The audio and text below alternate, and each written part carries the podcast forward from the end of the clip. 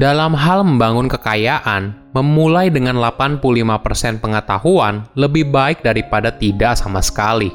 Halo semuanya, nama saya Michael. Selamat datang di channel saya, Sikutu Buku. Kali ini saya akan bahas buku I Will Teach You to Be Rich karya Ramit Sethi. Sebelum kita mulai, buat kalian yang mau support channel ini agar terus berkarya, caranya gampang banget. Kalian cukup klik subscribe dan nyalakan loncengnya. Dukungan kalian membantu banget supaya kita bisa rutin posting dan bersama-sama belajar di channel ini. Buku ini membahas bagaimana cara menjadi kaya berdasarkan pengaturan keuangan pribadi, mulai dari tabungan, menyusun anggaran, hingga investasi. Menariknya, kamu tidak perlu menjadi seorang ahli keuangan untuk jadi kaya raya, cara paling penting untuk mencapai kekayaan adalah dengan memulai lebih awal. Semakin awal kita memulai, maka kesempatan kita untuk kaya akan semakin besar. Perlu dipahami, kebanyakan orang termasuk dalam salah satu dari dua kubu mengenai uang. Entah kita berusaha mengabaikan dan merasa bersalah terhadap uang, atau kita terobsesi dengan keuangan secara detail dengan memperdebatkan suku bunga dan resiko geopolitik tanpa mengambil tindakan apa pun. Kedua opsi tersebut memberikan hasil yang sama, yaitu tidak ada. Ini yang dilakukan kebanyakan orang. Mereka senang berdebat hal kecil karena dengan melakukan ini, mereka jadi tidak punya kewajiban untuk melakukan hal yang penting. Saya merangkumnya menjadi tiga hal penting dari buku ini. Pertama, mulai mengatur keuangan pribadi. Kamu mungkin pernah merasa bersalah kenapa kamu tidak mulai menabung dari dulu, atau kamu telat mulai menabung dan investasi. Jika kamu punya pikiran seperti itu, hentikan mulai dari sekarang. Mulailah untuk mengambil kendali atas keuangan kamu. Memang, informasi soal bagaimana mengatur keuangan pribadi tidak diajarkan di sekolah. Namun, ini merupakan tanggung jawab kamu untuk mengatur keuanganmu sendiri. Ramit menegaskan, kita tidak perlu harus selalu paham suatu hal saat baru memulai. Apabila kita sudah memahami 85% saja, itu sudah cukup dan lebih baik daripada tidak memulainya sama sekali. Perlu kamu sadari, sangat sulit untuk mendapatkan kesempurnaan di awal, tapi kamu bisa mulai dulu dan menjadi lebih baik dari sana. Alasan lain kenapa seorang tidak mengatur keuangan mereka dengan baik adalah karena rasa takut. Mereka takut berinvestasi karena takut kehilangan uang. Memang pilihan keuangan apa pun yang kamu ambil pasti ada resikonya Ketika kamu hanya menabung saja tanpa berinvestasi, tentu saja ada resikonya. Misalnya, kehilangan kesempatan untuk mendapatkan imbal balik keuntungan yang lebih tinggi. Justru, lebih baik kamu mulai ketika kamu muda. Jika kamu sudah semakin tua dan semakin banyak tanggungan, biasanya kamu akan menjadi lebih konservatif soal uang. Setiap orang kalau ditanya, pasti ingin jadi orang kaya. Namun, apakah kamu pernah bertanya, kehidupan yang kaya itu seperti apa? Setiap orang mungkin punya definisi yang berbeda-beda. Bagi Ramit, kehidupan yang kaya berarti kamu dapat menghabiskan uang untuk hal yang kamu cintai selama kamu memotong pengeluaran secara ketat pada hal yang tidak kamu sukai. Ramit menganggap dirinya kaya karena tiga hal. Pertama, dia dapat membuat keputusan karir berdasarkan kemauannya sendiri, bukan karena uang. Kedua, Ramit dapat membantu orang tuanya dengan jaminan pensiun mereka jadi, mereka tidak harus bekerja jika mereka tidak mau. Ketiga, dia mampu menghabiskan uang dengan jumlah besar untuk hal yang dia cintai dan menjadi sangat sederhana pada hal yang tidak dia sukai. Jika dilihat dari alasan Ramit, seorang boleh dibilang kaya jika dia membuat keputusan berdasarkan sesuatu yang dia pilih, bukan karena situasi dan kondisi yang memaksa. Kedua, mengatur keuangan pribadi. Ingat kapan terakhir kali kamu merasa bersalah karena membeli sesuatu, tapi tetap membelinya.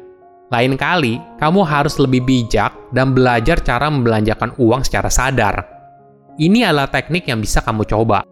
Membelanjakan uang secara sadar adalah tentang mengurangi jumlah uang yang kamu belanjakan untuk hal-hal yang tidak terlalu penting dan membelanjakan lebih banyak untuk hal yang benar-benar penting.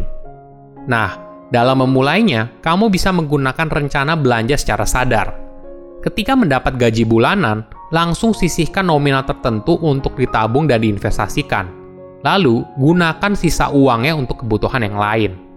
Ramit menyarankan kita untuk membagi pendapatan bulanan menjadi beberapa bagian. 60% untuk biaya tetap, misalnya sewa atau cicilan rumah, kebutuhan sehari-hari, dan sebagainya. 10% untuk investasi, 10% untuk tabungan, dan 20% untuk pengeluaran yang bebas kamu tentukan sendiri, misalnya untuk jalan-jalan dan sebagainya. Bukan hanya itu, membelanjakan uang secara sadar berarti memikirkan apa yang penting buat kamu. Misalnya, teman Ramit yang bernama Jim. Dia pindah ke apartemen yang lebih kecil setelah mendapat kenaikan gaji. Mungkin orang penasaran, kok begitu? Ternyata, tempat tinggal tidak terlalu penting bagi Jim. Namun, dia menghabiskan lebih banyak uang untuk berkemah, karena itu adalah kesukaannya. Tips lain yaitu berusaha untuk menyesuaikan pengeluaran kamu bisa mencoba sistem amplop. Jadi, kamu memutuskan berapa banyak yang ingin kamu belanjakan untuk empat area di atas, dan memasukkan uang itu ke dalam amplop. Ketika isi amplopnya sudah habis, maka kamu harus menunggu hingga bulan depan. Amplop yang dijelaskan oleh Ramit bukan hanya berarti amplop sungguhan, tapi kamu bisa juga membagi empat pos keuangan ke dalam rekening keuangan yang berbeda. Ini merupakan cara untuk membangun disiplin dalam mengelola keuangan. Bagi kamu yang terbiasa boros, mungkin hal ini tidak mudah. Tapi disiplin ini akan menyelamatkan kamu jika suatu hari ada bencana keuangan yang tidak terduga. Misalnya, tiba-tiba kamu terkena pemutusan hubungan kerja, atau bisnis yang kamu jalani tiba-tiba bangkrut. Ketiga, membangun skor kredit yang baik. Ketika orang mendengar kata kartu kredit, mungkin sebagian ada yang punya pengalaman buruk mereka berbelanja dengan impulsif sehingga pada akhirnya terjebak dan tidak mampu membayar cicilannya. Namun, jika kamu bisa menggunakan kartu kredit dengan baik, hal ini akan membantu kamu di kemudian hari. Perlu kita sadari, pembelian yang besar biasanya dilakukan dengan metode kredit, mulai dari membeli rumah, membeli mobil, dan sebagainya. Kita menggunakan kredit untuk pembelian yang besar, biasanya karena kita tidak punya uang sebesar itu saat ini juga. Ada dua aspek penting yang harus dipahami dalam sebuah kredit, yaitu laporan kredit dan skor kredit. Laporan kredit berisi aktivitas kredit yang kita lakukan dan digunakan untuk memberitahu calon pemberi pinjaman, misalnya bank. Sedangkan skor kredit adalah sebuah sistem atau cara yang dipakai oleh suatu lembaga pemberi pinjaman atau bank. Skor kredit tersebut menentukan layak tidaknya calon peminjam menerima pinjaman dari lembaga tersebut. Jika skor kredit kamu bagus, maka kamu adalah calon peminjam yang menarik bagi para pemberi pinjaman. Hasilnya, kamu akan diberikan suku bunga yang lebih baik apabila skor kredit kamu bagus. Sebagai contoh, pada tahun 2009, calon peminjam dengan skor kredit yang baik untuk pengajuan KPR dengan total 200 ribu dolar selama 30 tahun dapat menghemat 70 ribu dolar karena mendapatkan nilai suku bunga yang lebih kompetitif. Itulah sebabnya, kamu bisa menggunakan kartu kredit sebagai cara untuk membangun skor kredit yang baik. Caranya juga cukup mudah. Kamu biasakan untuk membayar tagihan kartu kredit tepat waktu. Jangan sampai kamu telat atau bahkan memiliki tunggakan. Kamu juga bisa memanfaatkan fitur pembayaran kartu kredit otomatis agar kamu tidak lupa membayar tagihan. Kamu tidak menjadi kaya dengan menjadi orang paling pintar atau menjadi orang yang ahli keuangan tapi kamu menjadi kaya apabila kamu bersedia membangun kekayaan sedari kamu muda. Silahkan komen di kolom komentar pelajaran apa yang kalian dapat ketika baca buku ini. Selain itu, komen juga mau buku apa lagi yang saya review di video berikutnya. Saya undur diri, jangan lupa subscribe channel YouTube Sikutu Buku. Bye bye.